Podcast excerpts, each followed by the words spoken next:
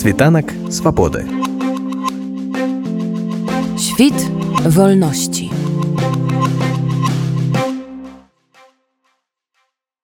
Тэрнополь выставу прывезлі беларускія актывісткі Тацяна Гацураяворская, кіраўніца грамадскай арганізацыі ланка, якая створана ва ўкраіне, каб дапамагаць параненым вайскоўцам ды іншым, хто мае патрэбу, а таксама журналістка Аліна Рудзіна. Вось што нам распавяла пра тое, чаму падобныя імпрэзы варта ладзіць ва ўкраіне, а таксама пра гісторыю выставы Тацяна Гацураяворская. Ну тут напэўна важны сам самі плакаты, сам месседж, да, які ёсць у працах цэслера, але яшчэ найважлівейшае тое тое что вакол этого всего адбываецца. І в принципе можна говорить что выстава гэта подстава для того каб украінцы задумались для того каб украінцы зацікавілись для того каб украінцы і беларусы паміж сабой пачалі размаўляць. То бок тут важно напэўна разумець что сама по сабе выстава ну це так гэта перформанс гэта нейкая падзея але я разглядаю гэта як падставу для дыялога паміж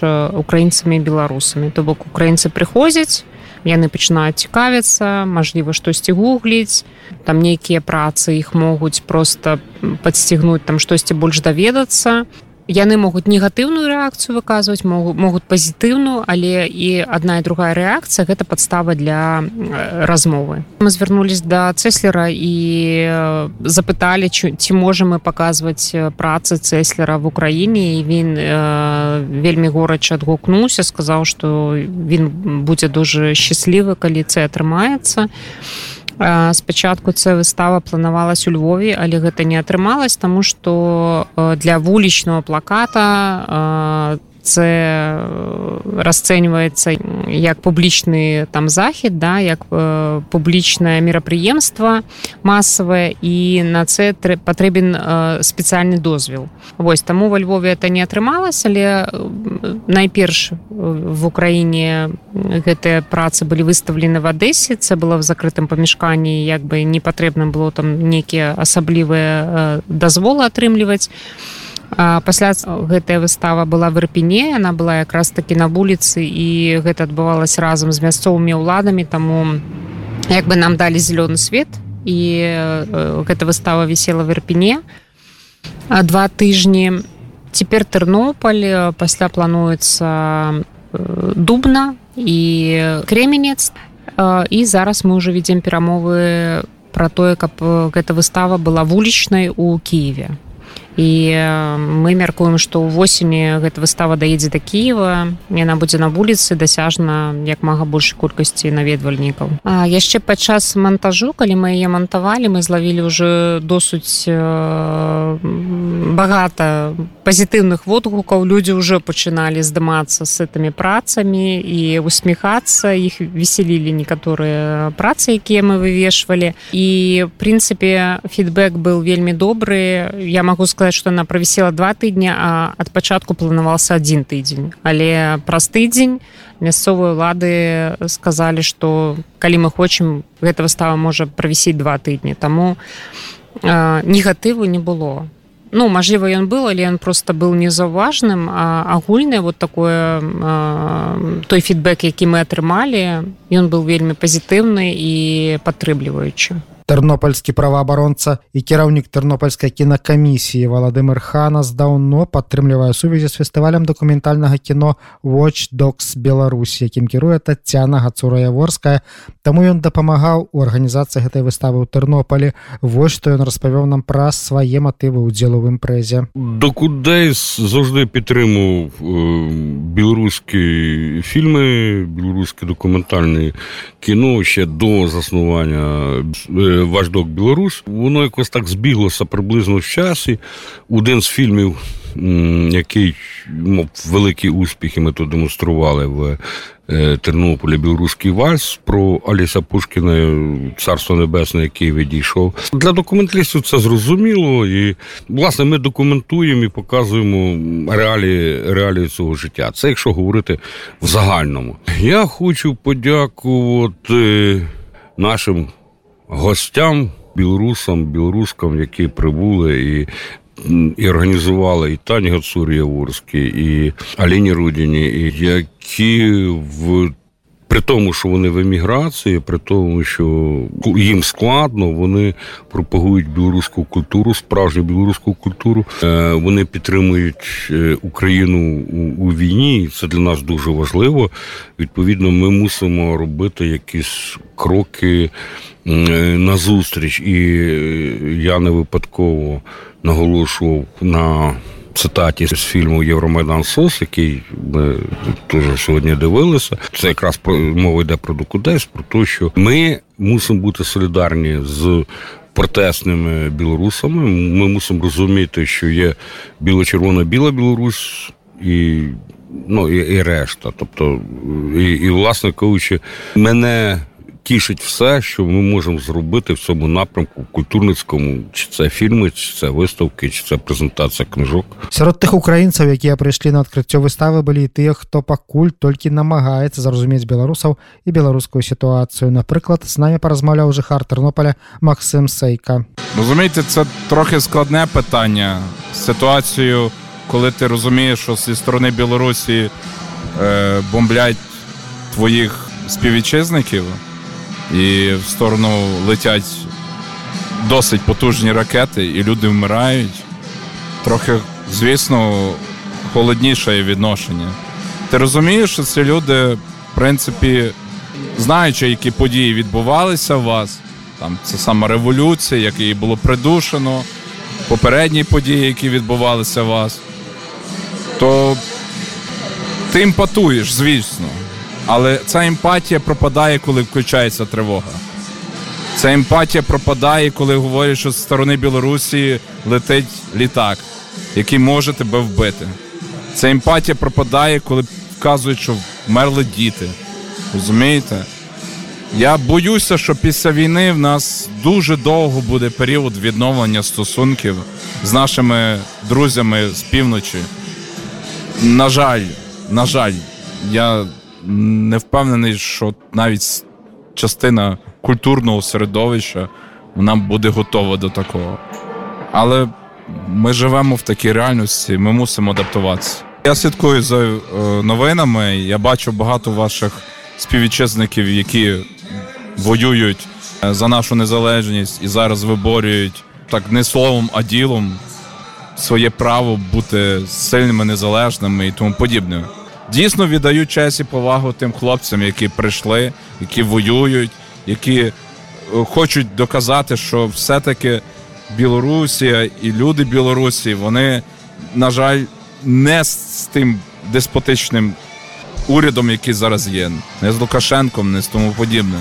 Прыйшлі на адкрыццё выставы плаката Владзіміра Цэсляра і беларусы, якія праз рэпрэсіі пакінулі радзіму і зараз жывуць у Тэрнополі. Зміцер з Менску лічыць, што важна паказваць украінцам сапраўднае стаўленне беларусаў да таго, што адбываецца. Па-першае, які беларус не ведае Цэслера, по-другое калі ты попаў гэту тусоўку яго дзень народзіну вядомыя івенты там ну раней было на мінскім моры зараз там як як дзе а зараз ніяк зараз на кіпре калі ты цікавішся мастацтвам музыкай рок-н-ролам байкарскай тэматыкай ну ты не можаш не ведаць цэслера безумоўна все беларусы ведаюць цэслера не, не толькі беларус гэта нават э, больш важка для нас. у для беларусаў Таму что ну шчыра кажучы недобра яны ведаюць нашай гісторыі шчыра кажучы нават нейкія прэтэнзіі маюцца чаму ж мы там у двадцатым? Потым чаму ж мы вот вроде як там под путлерам ну, ну все гэта вот такі стандартны набор. От сеці там в соцсетках все это бачылі і ну я асабіста так пытаюсь і прамаўляць неяк нешта расказваць распавядаць нешта нават з музыкай вот тут знаёмлю хлопцаў там у, у арт-прастранстве яны такі в шоцы Няўжо вот беларусы маюць такую музыку А що цікава что у нас самая моцная музыка музыка пратэсту безумоўна ну вось уже нават Таня шаркунова вже на, на нашым боцы да тому что ну беларус не можа залішаць где-то там а нідзе так? І гэта нават для нас самих важней. Каб яны вот это бачылі разумелі каб они ну бачылі эти сувязі там тых же беларусаў с украінцамі наши адносіны наше стаўленне да усяго гэтага так? Наше ну то тое самае вот братэрства да? Вот у мне беларусу не трэба аб'ясняць что украина это іншая нация что это іншы народ так? Украінцы таксама приезжали до мяне в гости в мінск яшчэ в тыя часы і яны бачылі что это другі народ. Так это братні народ это блізкі народ это ну такі ментальны там по-своему. Але мы розныя Ну что, мы будем друг другу зараз сказать про там ну, это вот трехглавого вот этого вот э, русский мир там, ну это ж, але ж ну так здарылось что мы украину ведаем мы цікавимся мы все эти майданы отслеживали вот с неяк ну и, и это палітычнае шоу их цікавае так таксама там. А яны нічога не ведаюць вот зусім не ведаюць тому это важко для нас вот для нас беларусаў каб украина лепш ведала. І праз такое мастацтва вот пра слову цеслера это найлепшы ну такі спосаб неяк э, прэзентаваць сябе На выставе прадстаўленыя не ўсе працы владимира цеслера якія ён стварыў пасля падзеяў 2020 года. Пра тое як адбіраліся работы для дэманстрацыі ва ўкраіне распавяла Аліна рудзіна. У самым пачатку мы абіралі гэтыя работы цеслера якія павінны быць паказаны украінскай аўдыторыі. Як на нашу думку адгукнецца ва ўкраінцах так? То бок гэта выявы тут багата выяв лукашенко таких ну гумарыстычных нават там парадыйных недзе не, не, не вельмі пазнавальных але ўсё роўна каб просто паказаць что у беларусі вось ёсць мастакі якім ну не байдужа яны рэагуюць на тое што адбываецца ва ўкраіне. Яны гэта ўспрымаюць і ператвараюць на візуальныя образы. І цеслер ён у чым яго такая перавага ён працуе на як мне падаецца на ўсе аўдыторыі то бок на ўзроставыя на там усялякава там я не ведаю статусы. Ён зразумелы для ўсіх. Наше стаўленне да дзяржаўных сімвалаў да чырвона-зялёнага сцяга да герба. І мы просто хацелі неяк абмежавацца ад гэтага і паказаць што вось гэта не не, не тыя сімвалы якія мы э, лічым сваімі пасылкі на рэпрэсіі і міліцэйскі прайзвол які чыніўся ў беларусі украінская мастачка Марыя дзелай аказалася ўражаная выставай і звесткамі якія даведалася ад арганізатараў падчас адкрыцця про сітуацію звычайно я чула мене навіть друзі які були політично ув'язнені в білорусі але слава богу їм вдалося втікти перетнути кордон нелегально і опинитися в Україні. Так про такого художника я не чула, і мені було дуже цікаво відвідати цю виставку. Тут є його фотографія, біографія і достатньо інформації, щоб ознайомитися повністю про його стиль життя і про його політичні роздуми, які розказують на плакатах. Така ситуація в Україні, і завдяки Тетяні я сьогодні більше знала глибше, що відбувається і за що карають. Відповідно, зрозуміла, що взагалі ніякої свободи слова немає, ніякої свободи дії немає, і те, що відбувається, настільки не відповідає ніяким правам людини, що е, ми е, будемо напевно що е, доносити інформацію глибше до українців, що білоруси справді в такому страшному становищі, в такому точні, в такому тоталітарному політичному режимі, що вони просто не можуть ні сказати, ні зробити, ні вийти на вулиці, ні повісти український прапор. Ми чули, як нам розказували, що за український прапор можна отримати 6 років, і це ну це реально дуже страшно. Я вважаю, що українці мають більшим розумінням ставитись до цього і розуміти, що білоруси їх підтримують у будь-якому випадку підтримують, і ця виставка про це свідчить. Выстава плаката Владимира Цеслера ў Тэрнополі працуе до 26 ліпеня ў крэатыўнай прасторы на пошті. Уласнік установы Ігар Мамус таксама прысутнічаў на адкрыцці і падзяліўся з намі сваім меркаваннем, чаму важна рабіць ва ўкраіне падобныя імпрэзы. Я часто стикаюся з білорусами. Це митці. У нас вони були на протязі 30 років хуткі смож був. Завжди було цікаво наблюдати за вашим за вашим мистецтвом, за вашою творчістю.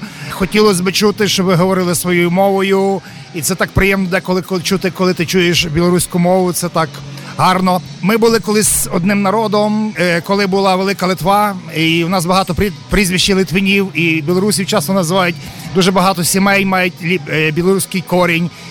І шкода, що білоруський народ терпить таку зараз наругу від е, тої влади, яка була захоплена, і білоруський народ, я думаю, зараз поневолений і Е, Тяжко дивитися на їхню таку трагедію, і думаю, що хотілося б, щоб вона розрішилася. І мені подобалось завжди політичний плакат. Він максимальним словом візуалізації каже те, що кажуть мільйони слів, і те, що ми сьогодні від Владзіміра побачили, і кажуть, що то не все тільки то невеличка частинка, то що він малює. Йому Бог дав великий талант. І думаю, думаю, що те, що він робить, і разом, що робить білоруси в різних сферах, дасть такий все таки результат, і ви отримаєте те, що хочете. Ми зараз проходимо те, що ви. Ми може трошки раніше пішли в ту дорогу, чим ви йдете.